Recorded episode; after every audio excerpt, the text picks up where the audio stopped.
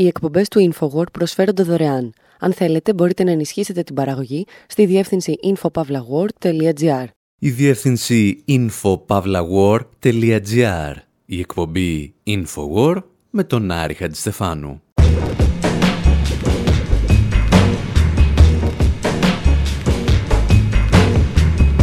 Όπου σήμερα χρησιμοποιούμε αυτή την εκπομπή για να κάνουμε ανερυθρίαστα διαφήμιση στο νέο μου βιβλίο με τίτλο «Προπαγάνδα και παραπληροφόρηση. Πώς τις εντοπίζουμε» το οποίο βιβλίο κυκλοφορεί από τις εκδόσεις «Τόπος».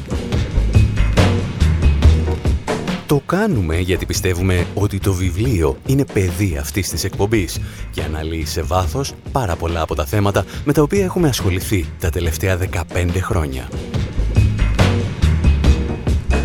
Το βιβλίο είναι ένας πρακτικός οδηγός που βοηθά να εντοπίζουμε μορφές προπαγάνδας και παραπληροφόρησης στα κυρίαρχα μέσα ενημέρωσης, αλλά και στο λόγο και τα έργα πολιτικών, επιχειρηματιών ή ακόμη και στατιστικολόγων. Σήμερα λοιπόν θα θυμηθούμε μικρά αποσπάσματα εκπομπών τα οποία μας ενέπνευσαν να γράψουμε το βιβλίο. Και θα ξεκινήσουμε θυμίζοντας σε όλους και πρωτίστως στον εαυτό μας ότι η προπαγάνδα μπορεί μερικές φορές να κρύβεται και εκεί που δεν την περιμένεις. Παραδείγματος χάρη σε ένα δελτίο καιρού.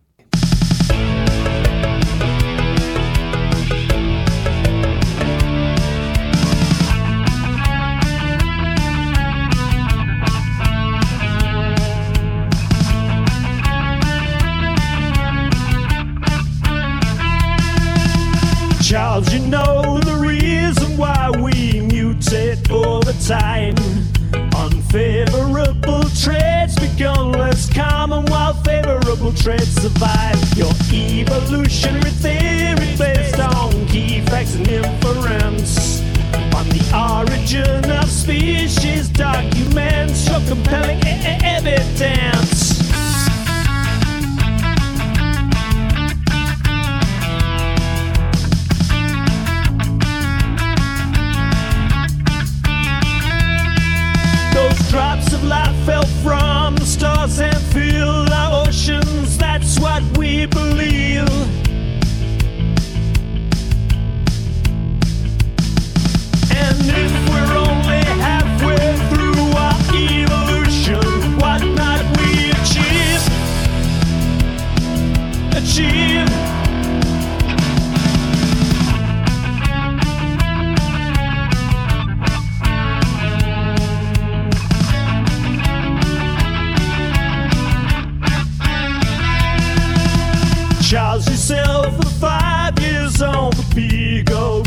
With Fitzroy.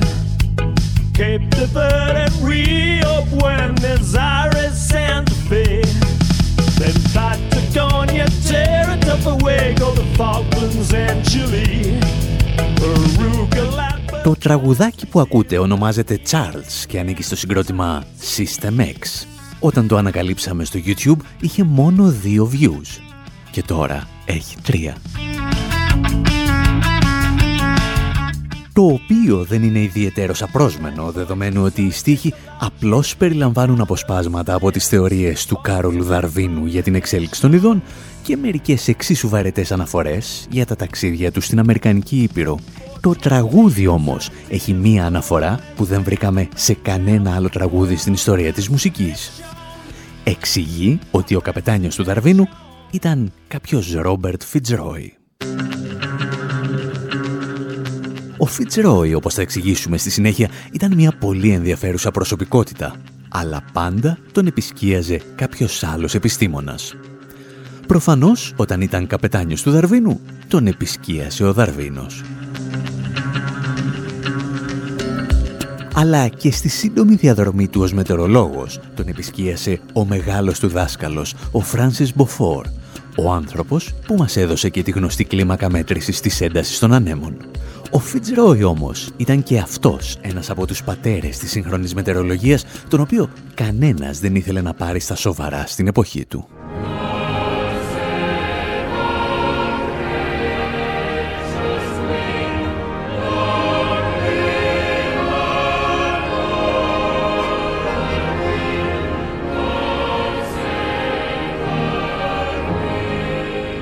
Αφού ταξίδεψες στα πέρατα του κόσμου με τον Δαρβίνο, ο Φιτζρόι επέστρεψε στη Μεγάλη Βρετανία και στα μέσα του 19ου αιώνα άρχισε να προωθεί μια αλόκοτη ιδέα για την εποχή. Αν καταγράφαμε, έλεγε, το σύνολο των ορατών καιρικών φαινομένων, κάποια στιγμή θα μπορούσαμε να προβλέπουμε τι καιρό θα κάνει την επόμενη μέρα. Την ιδέα άκουσε ένα νεαρό μέλος της Βουλής των Κοινοτήτων και αποφάσισε να τη μεταφέρει στην Ολομέλεια του Σώματος. Και έτσι, ένα πρωινό του 1854 πραγματοποιήθηκε μία από τις πιο αστείες αλλά και τις πιο τραγικές συνεδριάσεις στην ιστορία του κοινοβουλευτισμού.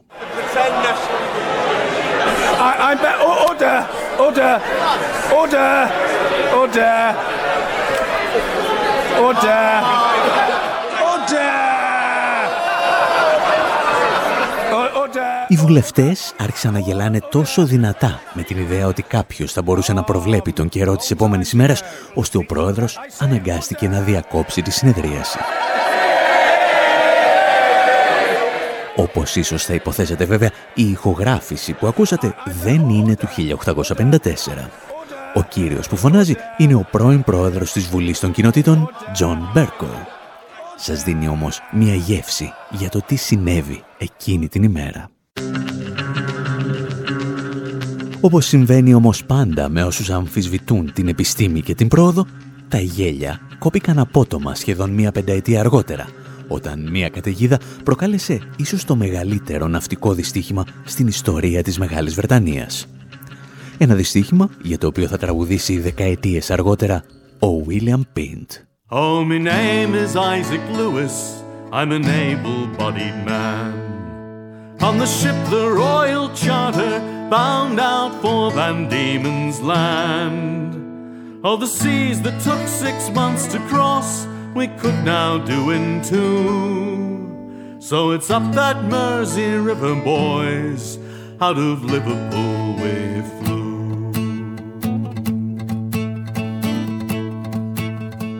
Ο ήρωας του τραγουδιού, όπως ακούσατε, ονομαζόταν Isaac Lewis και ήταν ναύτης στο βρετανικό πλοίο Royal Charter. Ένα ατμοκίνητο πλοίο που μπορούσε, λέει, να διανύσει σε δύο μήνες αποστάσεις που παλαιότερα απαιτούσαν έξι μήνες. Μόνο που στις 26 Οκτωβρίου του 1859 αυτό το πλοίο βυθίστηκε σε σφοδρή θαλασσοταραχή, παίρνοντας μαζί του στο βυθό τουλάχιστον 500 ψυχές. Εάν βέβαια οι Βρετανοί πολιτικοί είχαν δώσει μεγαλύτερη προσοχή σε αυτά που προσπαθούσαν να τους εξηγήσουν οι πρώτοι μετρολόγοι, όπως ο Ρόμπερτ Φιτζρόι, ίσως τέτοιου είδους δυστυχήματα να είχαν αποτραπεί. Το πρόβλημα ήταν ότι πολλοί συνέχισαν να αμφισβητούν τον Φιτσρόι και μετά το ναυάγιο. Και όπως συμβαίνει συχνά με πολλούς από τους αρνητές της επιστήμης, πίσω από τις συνωμοσίες τους κρύβεται και το κέρδος.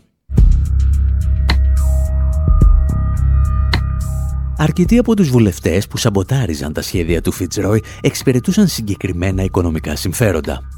Ορισμένοι, παραδείγματος χάρη, συνεργάζονταν με ιδιωτικές εταιρείες ρημούλκησης και διάσωσης πλοίων που βρίσκονταν σε κίνδυνο. Πολιτικοί και επιχειρηματίες δηλαδή δεν ήθελαν να υπάρχουν προγνώσεις καιρικών φαινομένων οι οποίες θα μπορούσαν να σώσουν εκατοντάδες χιλιάδες ζωές γιατί αυτές θα έπληταν επιχειρηματικά συμφέροντα.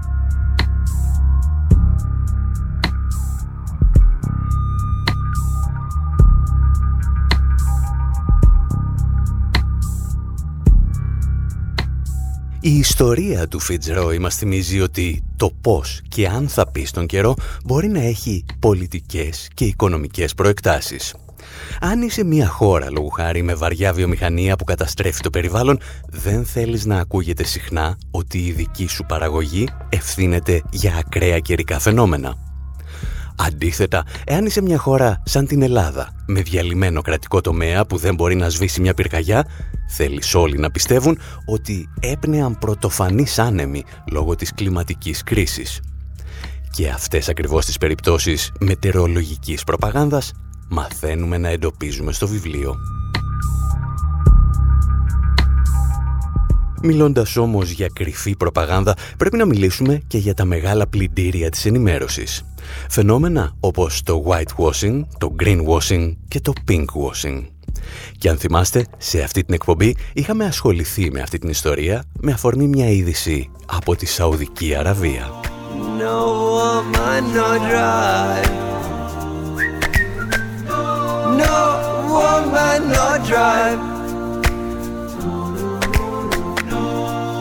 no drive. No woman, no drive.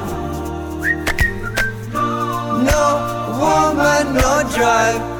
Ο Ισάμ Φαγκή που ακούσατε είναι διάσημος Σαουδάραβας κομικός και το τραγούδι του No Woman No Drive είχε γίνει viral στο YouTube με περισσότερα από 15 εκατομμύρια θεάσεις. Θυμάμαι, λένε οι στίχοι, όταν καθόσουν στο οικογενειακό αυτοκίνητο, αλλά στην πίσω θέση και η οθήκη σου ήταν ασφαλής για να μπορείς να μου κάνεις πολλά παιδιά. Και ύστερα μπορείς να μου ετοιμάσεις και το βραδινό φαγητό, το οποίο βέβαια θα μοιραστώ μαζί σου.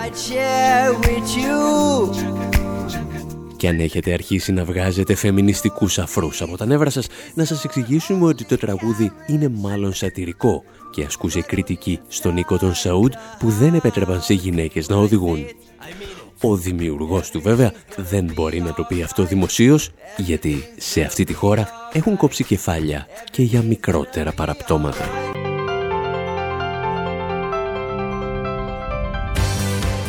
This is the BBC.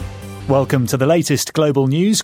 Coming up, state media in Saudi Arabia says King Salman has issued an order allowing women to drive for the first time. Τα διεθνή μέσα ενημέρωσης μετέδιδαν με ενθουσιασμό ότι ο βασιλιάς της Σαουδικής Αραβίας θα επιτρέψει στις γυναίκες να οδηγούν. Η είδηση είναι πραγματικά χαρμόσυνη για τις γυναίκες στη Σαουδική Αραβία.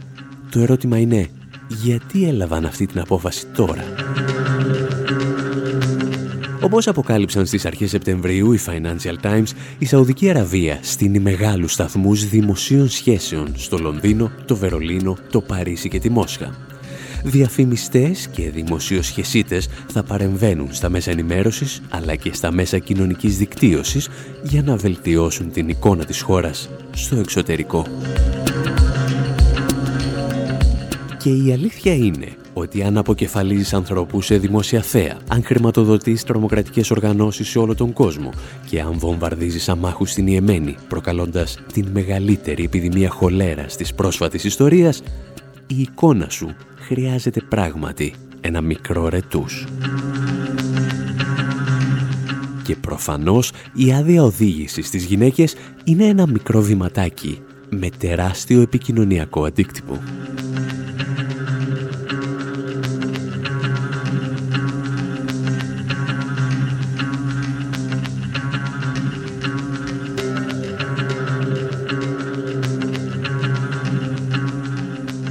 Αυτά λέγαμε λοιπόν το 2017, όταν ο πρίγκιπας διάδοχος της Σαουδικής Αραβίας θέλησε να ομορφύνει με μικρές επικοινωνιακές πινελιές στο προφίλ του. Η Έντελμαν ήταν μία από τις πολλές εταιρείες που ανέλαβαν το δύσκολο αυτό έργο. Τότε όμως δεν γνώριζε ότι ο πρίγκιπας διάδοχος θα άρχιζε να τεμαχίζει με πριόνια τους πολιτικούς του αντιπάλους. A US intelligence report has concluded that Saudi Crown Prince Mohammed bin Όπως μας υπενθύμιζε το BBC, ακόμη και οι Αμερικανικές μυστικές υπηρεσίες απέδειξαν ότι την εντολή για τη δολοφονία του Σαουδάραβα δημοσιογράφου Κασόγκη είχε δώσει ο ίδιος ο ηγέτης της χώρας. Εκείνη τη στιγμή η εταιρεία Έντελμαν έπρεπε να βελτιώσει την εικόνα του πρίγκιπα διαδόχου της Σαουδικής Αραβίας ενώ όλη η ανθρωπότητα τον ταύτιζε με ένα πριονισμένο πτώμα. Και αν σας θυμίζει κάτι αυτή η εικόνα είναι γιατί την έχετε ξαναδεί στο Pulp Fiction. Εκεί όπου ο Χάρβεϊ Καϊτέλ αναλαμβάνει να καθαρίσει κυριολεκτικά και μεταφορικά ένα μικρό προβληματάκι. I'm Winston Wolf. I solve problems.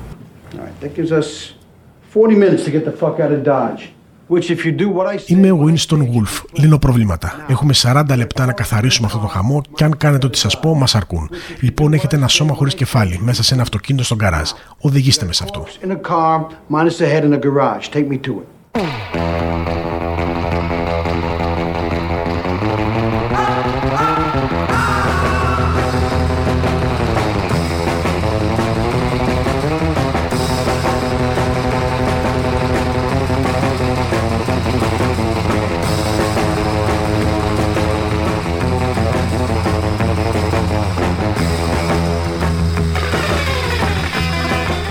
Η Έντελμαν έπρεπε προφανώς να χρησιμοποιήσει όλες τις τεχνικές που είχε μάθει τον περασμένο μισό αιώνα για να βοηθήσει το βασίλειο της Σαουδικής Αραβίας. Και ένα από τα πολλά τρικ που χρησιμοποίησε ήταν να στρέψει την προσοχή της διεθνούς κοινής γνώμης στην κατασκευή της νέας φουτουριστικής πόλης Νίομ. Well, ladies and gentlemen, the hour of striving for utopia has long been upon us. This place is called Neom, a $500 billion super city in planning. Μέσα ενημέρωσης σε όλο τον κόσμο άρχισαν να μιλούν για τη νέα ουτοπία που θα δημιουργούνταν στη Σαουδική Αραβία. Μια φουτουριστική πόλη με κόστος μισού τρισεκατομμυρίου δολαρίων και πάντα τα ρεπορτάζ περιείχαν και μερικές καλές κουβέντες για το φιλελεύθερο πρόγραμμα του πρίγκιπα διαδόχου της Σαουδικής Αραβίας. Εάν εσείς δεν γνωρίζετε τι είναι η πόλη Νίομ, μπορείτε να αναζητήσετε το τεύχος από το Βιμαγκαζίνο που έκανε ένα μεγάλο αφιέρωμα πριν από ένα χρόνο. Και αν δεν διαβάσατε πέρυσι για τα κατορθώματα του διαδόχου, μπορεί να είδατε κανένα δελτίο ειδήσεων σαν αυτό. Το μεγαλύτερο πρόγραμμα επενδύσεων στην πράσινη ανάπτυξη παγκοσμίως αξίας 7 τρισεκατομμυρίων δολαρίων εξήγηλε ο διάδοχος της Σαουδικής Αραβίας.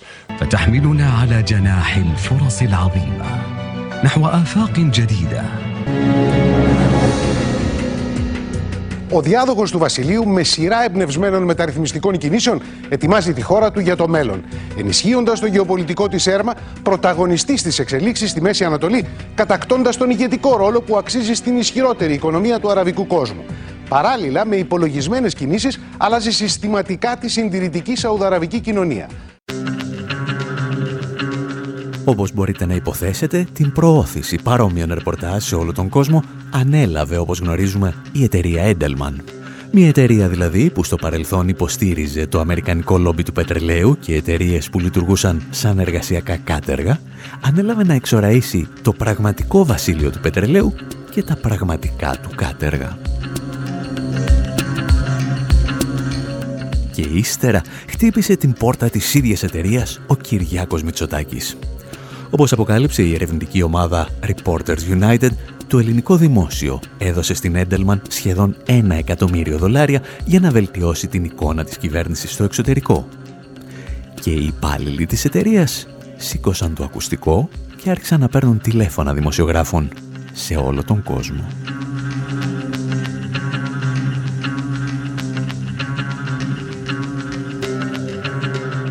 Αυτά συζητάγαμε λοιπόν στην εκπομπή για την Edelman και το λεγόμενο whitewashing, το ξέπλυμα επιχειρήσεων και ολόκληρων κρατών μέσω των μέσων ενημέρωσης. Παρεπιπτόντος, ο ελληνικός τηλεοπτικός σταθμός που ακούσαμε να εξυμνεί το έργο του πρίγκιπα διαδόχου της Σαουδικής Αραβίας σήμερα ελέγχεται κατά 30% από το κράτος της Σαουδικής Αραβίας. Πολύ περισσότερες λεπτομέρειες όμως για όλα αυτά, αλλά και για άλλες τεχνικές ξεπλήματος, όπως το greenwashing και το pinkwashing, θα βρείτε στο βιβλίο «Προπαγάνδα και παραπληροφόρηση», το οποίο κυκλοφορεί στα βιβλιοπολία από τις εκδόσεις «Τόπος». Εμείς θα συνεχίσουμε και στο δεύτερο μέρος να θυμόμαστε μερικές εκπομπές που ενέπνευσαν τη συγγραφή του βιβλίου. Stop.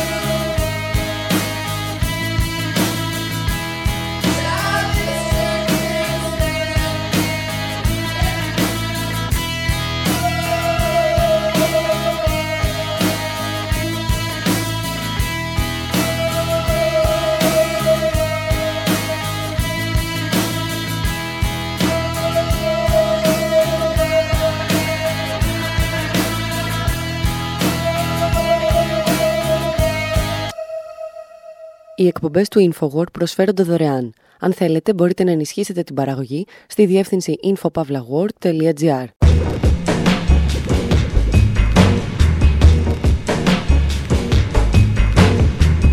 Εκπομπής InfoWord, μέρος δεύτερο όπου συνεχίζουμε να θυμόμαστε εκπομπές που έδωσαν έμπνευση για τη συγγραφή του βιβλίου «Προπαγάνδα και παραπληροφόρηση», το οποίο κυκλοφορεί στα βιβλιοπολία από τις εκδόσεις «Τόπος». Ένα μεγάλο κεφάλαιο αυτού του βιβλίου αφορά τις λεγόμενες λογικές πλάνες. Εξηγεί δηλαδή πως κάποιος καταλήγει σε ένα συμπέρασμα ακολουθώντας λάθος διαδρομή στο συλλογισμό που παρουσιάζει. Στο βιβλίο θα μάθουμε πώς να εντοπίζουμε και να αντιμετωπίζουμε τις λογικές πλάνες που προωθούν τα μέσα ενημέρωσης και η πολιτική. Τα πράγματα όμως δεν είναι πάντα τόσο απλά. Γιατί μερικές φορές το να κατηγορείς κάποιον για λογική πλάνη μπορεί να αποτελεί μια άλλη λογική πλάνη. Και αυτό είχαμε συζητήσει αν θυμάστε στην εκπομπή για το Whataboutism, η οποία ξεκινούσε κάπως έτσι. Grim years of regimentation have done their work. Now he's a good Nazi, trampling on the rights of others. He sees no more than the party wants him to. He says nothing but what the party wants him to say. And he does nothing but what the party wants him to do.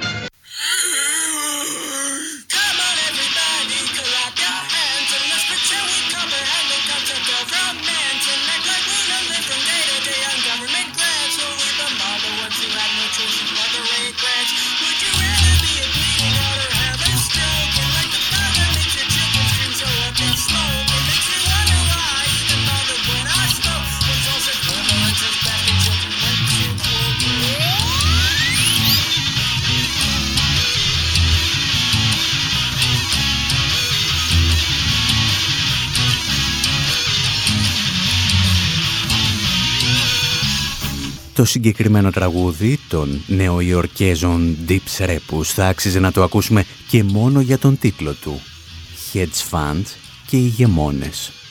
Ο χαμός όμως ξεκινά αμέσως μετά τον τίτλο.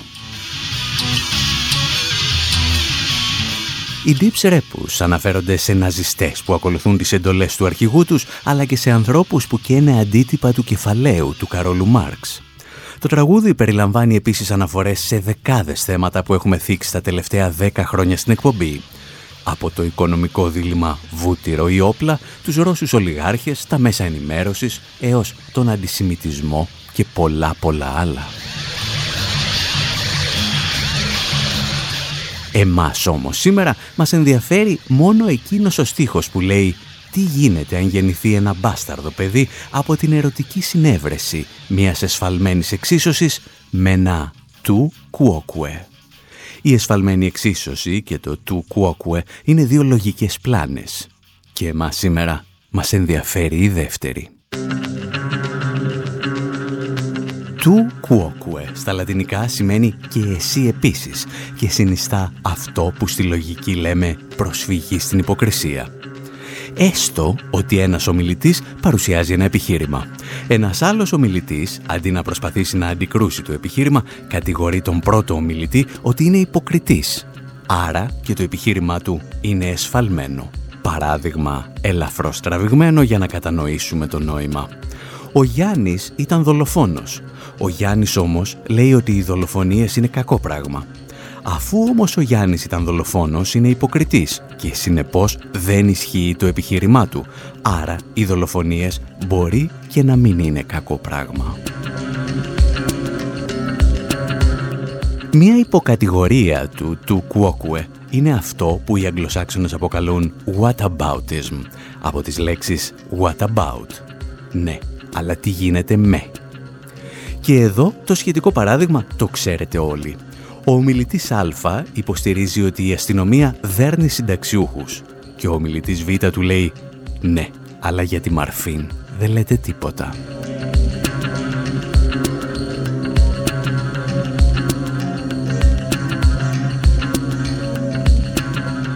Τις τελευταίες ημέρες οι κατηγορίες περί whataboutism πέφτουν σαν βροχή με αφορμή την εισβολή της Ρωσίας στην Ουκρανία και αρκετά μέσα ενημέρωσης, όπως το TRT, σκέφτηκαν να μας εξηγήσουν τι ακριβώς σημαίνει ο όρος. It's no secret that politicians and diplomats are masters of dodging questions and... Είναι γνωστό ότι οι πολιτικοί και οι διπλωμάτες έχουν εξαιρετική ικανότητα να αποφεύγουν ερωτήσεις και να παρεκτρέπουν τη συζήτηση. Μία από τις τεχνικές που χρησιμοποιούν έχει ονομαστεί whataboutism είναι μία από τις πιο αποτελεσματικές τεχνικές για να αποφεύγεις την ευθύνη σου για κάθε πράξη. Η τεχνική προποθέτει ότι απαντάς σε μία κατηγορία εξαπολύοντας μία άλλη κατηγορία. Αρκετοί ερευνητές στη Δύση υποστηρίζουν ότι είναι μια τεχνική προπαγάνδας στην οποία η κριτική αντιστρέφεται με στόχο να απαξιωθεί αυτός που την ασκεί.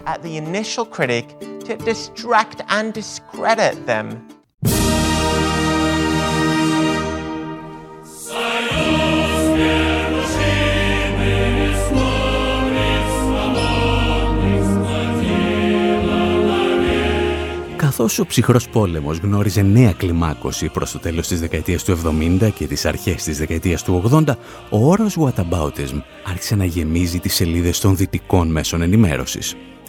Κάθε φορά που η Δύση κατηγορούσε τη Μόσχα για παραβίαση των ανθρωπίνων δικαιωμάτων, το Κρεμλίνο, αντί να απαντά στο επιχείρημα, παρουσίαζε λίστες με παραβιάσεις των ανθρωπίνων δικαιωμάτων σε δυτικές κοινωνίες ή σε εξαρτώμενες από τη Δύση χώρες. Και από εκεί, λένε κάποιοι, έμαθε την τεχνική και ο Πούτιν. Critics say Putin is employing Σύμφωνα με τους επικριτές του, ο Πούτιν χρησιμοποιεί παλιές σοβιετικές πρακτικές του ψυχρού πολέμου. Κάθε φορά που οι Ηνωμένες Πολιτείες ασκούσαν κριτική στην παραβίαση των ανθρωπίνων δικαιωμάτων, στη Σοβιετική Ένωση το Κρεμλίνο απαντούσε ναι, αλλά για την Αμερική όπου λιντσάρουν τους μαύρους δεν λέτε τίποτα. What about in America, where they lynch black people? Η Δύση από τα χρόνια του ψυχρού πολέμου απαντούσε άμεσα ότι αυτό που κάνει το Κρεμλίνο είναι whataboutism.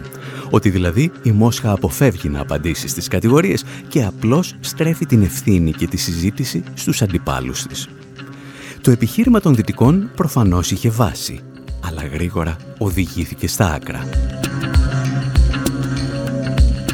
Δεκάδες ερευνητές και δημοσιογράφοι υποστήριζαν ότι το whataboutism ήταν η βασικότερη προπαγανδιστική τεχνική της Ρωσίας και άλλων σοσιαλιστικών καθεστώτων. Ούτε λίγο ούτε πολύ έλεγαν ότι μόνο αυτοί το χρησιμοποιούν και συνεπώς μόλις το ακούτε πρέπει να κλείνετε τα αυτιά σας. Όπως εξηγούσε όμως πρόσφατα ο Τζέρεμι Σκάχιλ στο podcast του Intercept, το να κατηγορείς μόνο τη Μόσχα για whataboutism είναι και αυτό μια τεχνική προπαγάνδας. This allegation of whataboutism is used consistently these days in an effort to shut down discussion αυτός ο ισχυρισμός περί whataboutism χρησιμοποιείται μόνιμα αυτές τις μέρες σε μια προσπάθεια να σταματήσει η συζήτηση για τα αμερικανικά δικήματα ή εγκλήματα. Το whataboutism παρουσιάζεται σαν μια παλιά σοβιετική τακτική και όποιος πιάνεται να το χρησιμοποιεί είναι ύποπτος ως πράκτορας των Πολσεβίκων στο σημερινό κλίμα των μέσων μαζικής ενημέρωσης. Δεν υπάρχει αφιβολία ότι οι Σοβιετικοί χρησιμοποίησαν αυτή την τεχνική, αλλά το ίδιο κάνουν και οι ΗΠΑ επανειλημμένα. Στην πραγματικότητα τη χρησιμοποιούν σε κάθε πόλεμο που εμπλέκονται οι ΗΠΑ. Λένε ναι, σκοτώνουμε αμάχους, αλλά όχι εσκεμμένα. Δεν είμαστε σαν τη Ρωσία στην Τσετσενία. Λένε ναι, εισβάλλουμε σε χώρες και σκοτώνονται αθώοι, αλλά τι γίνεται με τα εγκλήματα των ηγετών αυτών των χωρών; But what about the crimes of the leaders of those countries? Αυτά έλεγε λοιπόν ο Τζέρεμι Κάχιλ για την κριτική στο whataboutism, η οποία όπως είπαμε κουβαλά βαριά πολιτική παρακαταθήκη. Στο βιβλίο «Προπαγάνδα και παραπληροφόρηση» πάντως θα δούμε πολλές ακόμη λογικές πλάνες που χρησιμοποιούν εσκεμένα πολιτικοί και δημοσιογράφοι στην Ελλάδα. Θα δούμε παραδείγματος χάρη ποια λογική πλάνη χρησιμοποίησε ο κύριος Σκέρτσος όταν έλεγε ότι δεν υπάρχουν έρευνες που να δείχνουν ότι η αστυνομία μεταδίδει τον κορονοϊό. Θα θυμηθούμε επίσης τις λογικές πλάνες του Άδων Γεωργιάδη που όταν τον κατηγορείς για κάτι σου λέει ναι, αλλά εσύ είσαι ανταρσία.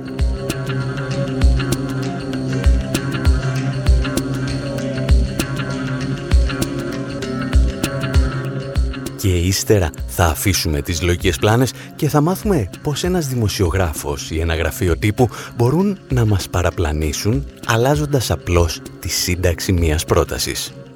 Το είχαμε δει αν θυμάστε με τη βοήθεια των Faithless.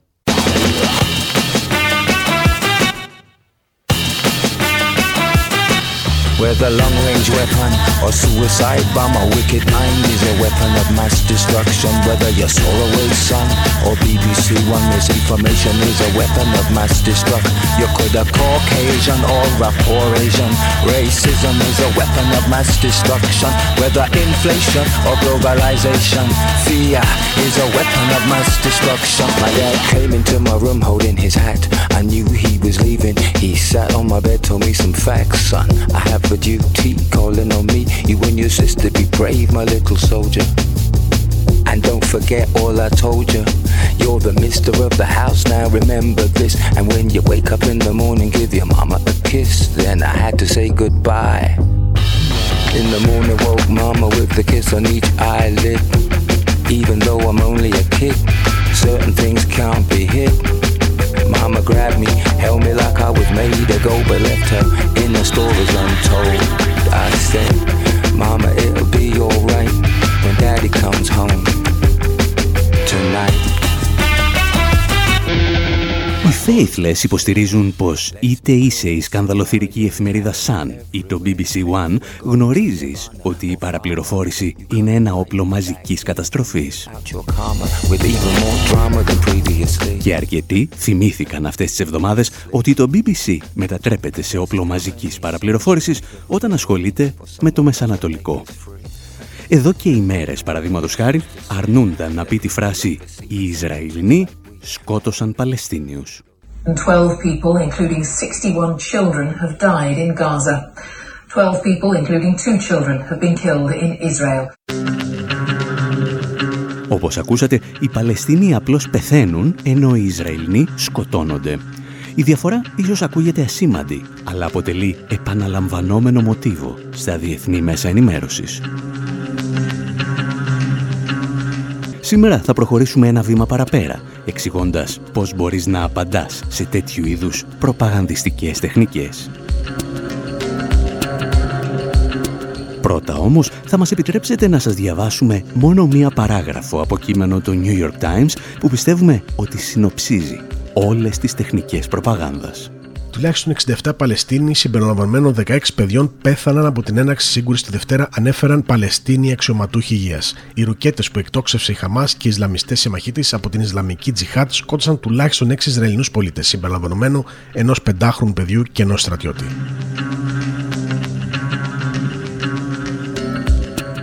Ας εξετάσουμε τώρα κάθε φράση ξεχωριστά. Καταρχήν, όπως ακούσατε, οι Παλαιστίνοι πέθαναν κατά τη διάρκεια μιας σύγκρουσης, ενώ η Χαμάς σκότωσε Ισραηλινούς. Εδώ η λέξη σύγκρουση υπονοεί την αντιπαράθεση δύο ισότιμων δυνάμεων. Στην περίπτωσή μας όμως έχουμε από τη μία πλευρά μία πυρηνική δύναμη με τον ισχυρότερο στρατό στη Μέση Ανατολή και από την άλλη έναν πληθυσμό που ζει αποκλεισμένος χωρίς επαρκή τρόφιμα, νερό, ηλεκτρισμό και φάρμακα. Και συνεχίζουμε. Ποιος εκτόξευσε τις ρουκέτες που σκότωσαν τους Ισραηλινούς σύμφωνα με τους New York Times? Οι Ισλαμιστές σύμμαχοι της Χαμάς, η Ισλαμική Τζιχάντ. Μέσα σε μία πρόταση ακούμε δύο φορές παράγωγα της λέξης Ισλάμ. Μια λέξη την οποία οι δυτικοί δημοσιογράφοι έχουν φροντίσει εδώ και δεκαετίες να συνδέσουν με την τρομοκρατία. Θα έπρεπε μήπως να γίνει για λόγους ισορροπίας αναφορά στο εβραϊκό κράτος του Ισραήλ; Η δική μας απάντηση είναι κατηγορηματικά όχι. Γιατί το ζήτημα δεν είναι θρησκευτικό, είναι εθνικό-απελευθερωτικό. Το Ισραήλ βέβαια επιδιώκει να αναφέρεται σαν εβραϊκό κράτος και ψηφίζει νόμους που αφορούν αποκλειστικά τους Εβραίους κατοίκους. Όταν όμως έχουμε δολοφονίες αμάχων, ο κόσμος πρέπει να ακούει μόνο μία λέξη. Ισλάμ. Το κείμενο όμως έχει και καλύτερα. Όπως ακούσατε πέθαναν 16 παιδιά Παλαιστινίων και ένα παιδί Ισραηλινών. Για τα παιδιά των Παλαιστινίων δεν μαθαίνουμε τίποτα περισσότερο, ενώ για το παιδί των Ισραηλινών μαθαίνουμε ότι ήταν μόλις 5 ετών. Ανάμεσα στα παιδιά των Παλαιστινίων υπήρχαν βέβαια και βρέφη. Αλλά αυτό εσείς δεν θα το μαθαίνατε ποτέ εάν διαβάζατε μόνο τους New York Times. Η καλύτερη φράση όμως στο κείμενο είναι η τελευταία ο δημοσιογράφος καταλήγει ότι οι Ισλαμιστές Παλαιστίνοι σκότωσαν έξι Ισραηλινούς πολίτες, μεταξύ των οποίων και έναν στρατιώτη. Κάτι σαν να λέμε σκότωσαν τέσσερις άντρες, μεταξύ των οποίων και μία γυναίκα. Ή αοράσαμε τέσσερα μπλουζάκια, μεταξύ των οποίων και ένα φόρεμα. Ή πιο απλά, διαβάσαμε τα κείμενα τριών δημοσιογράφων, μεταξύ των οποίων και του Patrick Kingsley, το New York Times. Όλοι ξέρουμε όμως ότι οι στρατιώτες δεν μπορεί να είναι ταυτόχρονα και πολίτες. Οι άντρες δεν είναι γυναίκες, τα φορέματα δεν είναι μπλουζάκια και ο Πάτρικ Κίνσλεϊ δεν είναι δημοσιογράφος. Είναι μια μηχανή προπαγάνδας. Εσείς, παρόλα αυτά, μένετε εδώ, γιατί ύστερα από λίγο επιστρέφουμε για να δούμε ορισμένες υποδειγματικές απαντήσεις σε τέτοιου είδους επιχείρηματα.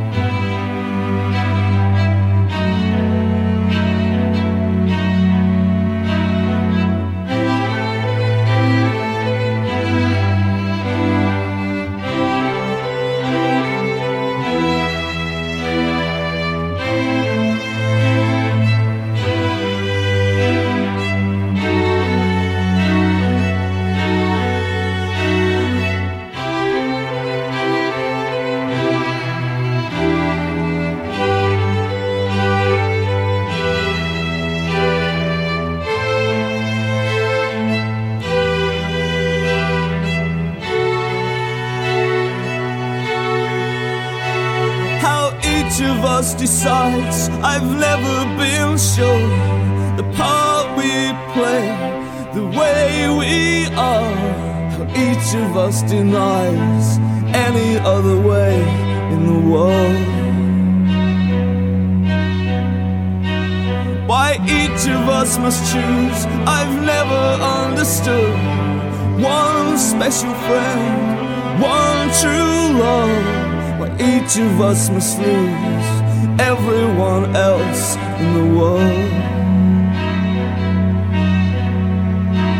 However unsure, however unwise, day after day, play out our lives, however confused, pretending to know to the end. But this isn't true, isn't right, this isn't love, this isn't life, this isn't real, this is a lie.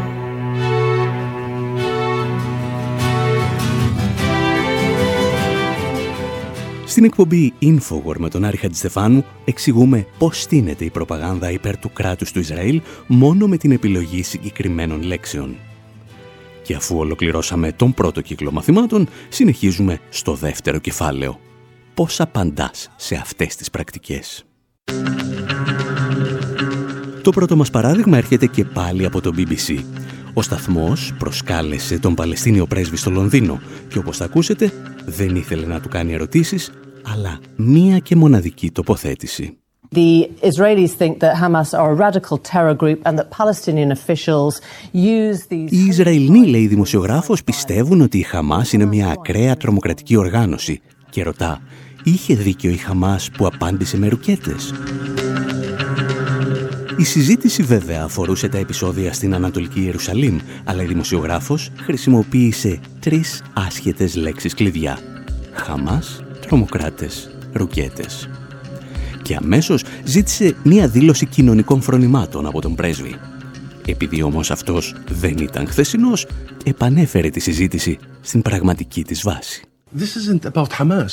Hamas was not involved. There were tens of thousands. Hamas did not decide to evict people. Το θέμα δεν έχει σχέση με τη Χαμάς. Η Χαμάς δεν είναι πλάκη. Η Χαμάς δεν αποφάσισε να απομακρύνει ανθρώπους από τα σπίτια τους μέσα στην κατεχόμενη πόλη της Ιερουσαλήμ. Η Ανατολική Ιερουσαλήμ είναι υποκατοχή, όχι μόνο σύμφωνα με τον δικό μου νόμο, αλλά και σύμφωνα με το δικό σας, σύμφωνα με τη θέση του Ηνωμένου Βασιλείου, σύμφωνα με τα Ηνωμένα Έθνη. Μια κατοχή πρέπει να είναι προσωρινή και πρέπει να σέβεται τους κανόνες που τη διέπουν. Το Ισραήλ χλεβάζει αυτούς τους κανόνες, ειδικότερα τα ζητήματα της μεταφοράς πληθυσμού πληθυσμών, της εθνοκάθαρσης και του Απαρχάιντ.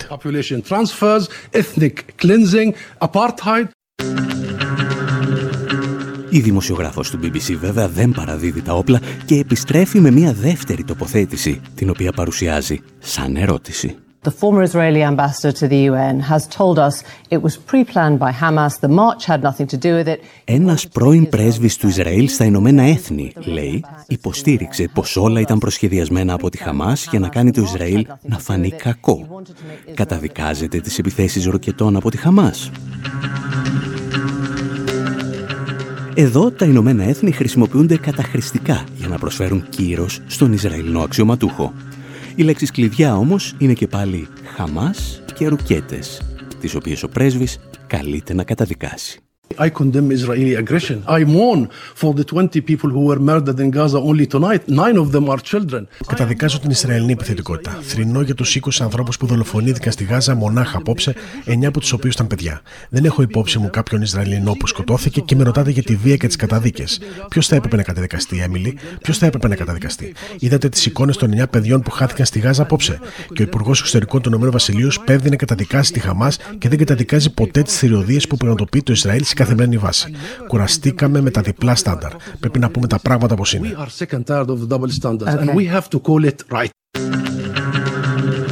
Η δημοσιογράφος του BBC στο σημείο αυτό βλέπει τις τοποθετήσεις της, τις οποίες παρουσιάζει σαν ερωτήσεις, να πέφτουν στο κενό. Έχει όμως εντολή να συνεχίσει.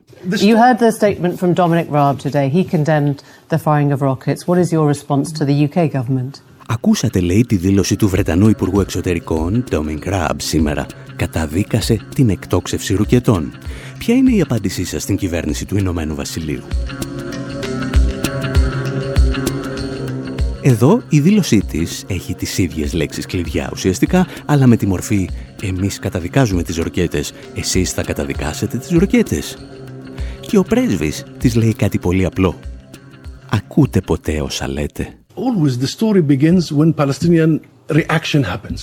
As if it started with Hamas. Look at your question. Η ιστορία πάντα ξεκινά όταν αντιδρούν οι Παλαιστίνοι. Λες και ξεκίνησε η Χαμάς στι συγκρούσεις. Ακούστε την ερώτησή σας. Η ερώτησή σας αφορά τη Χαμάς, τις ζουρκέτε και ξανά τις ζουρκέτε. Ξεκινά με την αντίδραση των Παλαιστίνιων με το σύμπτωμα της ασθένειας. Δεν ασχολείται με την ίδια την ασθένεια. Η ασθένεια είναι αυτό το κράτος, το Ισραήλ, το κράτος κατακτητής. Σε τρεις διαδοχικές τοποθετήσεις λοιπόν η δημοσιογράφος του BBC ήθελε απλώς να ακούγονται οι λέξεις «Χαμάς», «τρομοκρατία» και «ρουκέτες». Θεωρητικά το πέτυχε. Πρακτικά εξευτελίστηκε μπροστά σε ένα διεθνές ακροατήριο.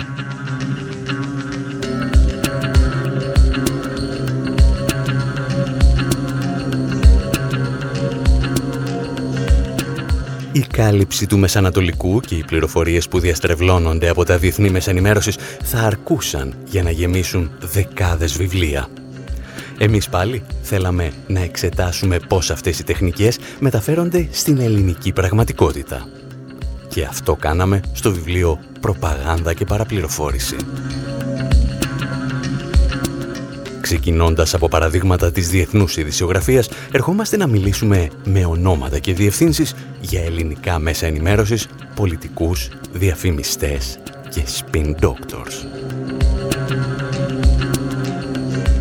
Σε κάθε κεφάλαιο του βιβλίου θα βρίσκεται μάλιστα και ένα QR code, το οποίο αν σκανάρετε με το κινητό σας θα σας αποκαλύπτει όλες τις πηγές, αλλά και περισσότερα βίντεο, φωτογραφίες και podcast σχετικά με το θέμα. Το βιβλίο «Προπαγάνδα και παραπληροφόρηση», πώς τις εντοπίζουμε, το παιδί δηλαδή αυτής της εκπομπής, κυκλοφορεί ήδη στα βιβλιοπολία από τις εκδόσεις «Τόπος». Εμείς πάλι κάπου εδώ λέμε να σας αφήσουμε και για αυτή την εβδομάδα. Από τον Άρη Στεφάνου στο μικρόφωνο και τον Δημήτρη Σταθόπουλο στην τεχνική επιμέλεια, Γεια σας και χαρά σας.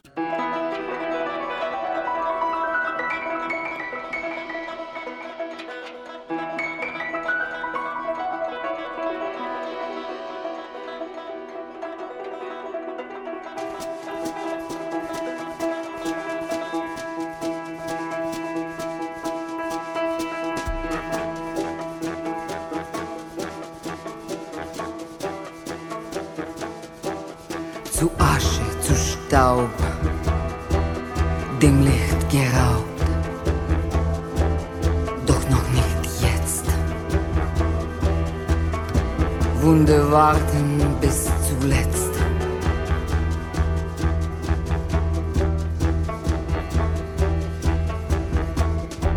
Ozean der Zeit, ewiges Gesetz.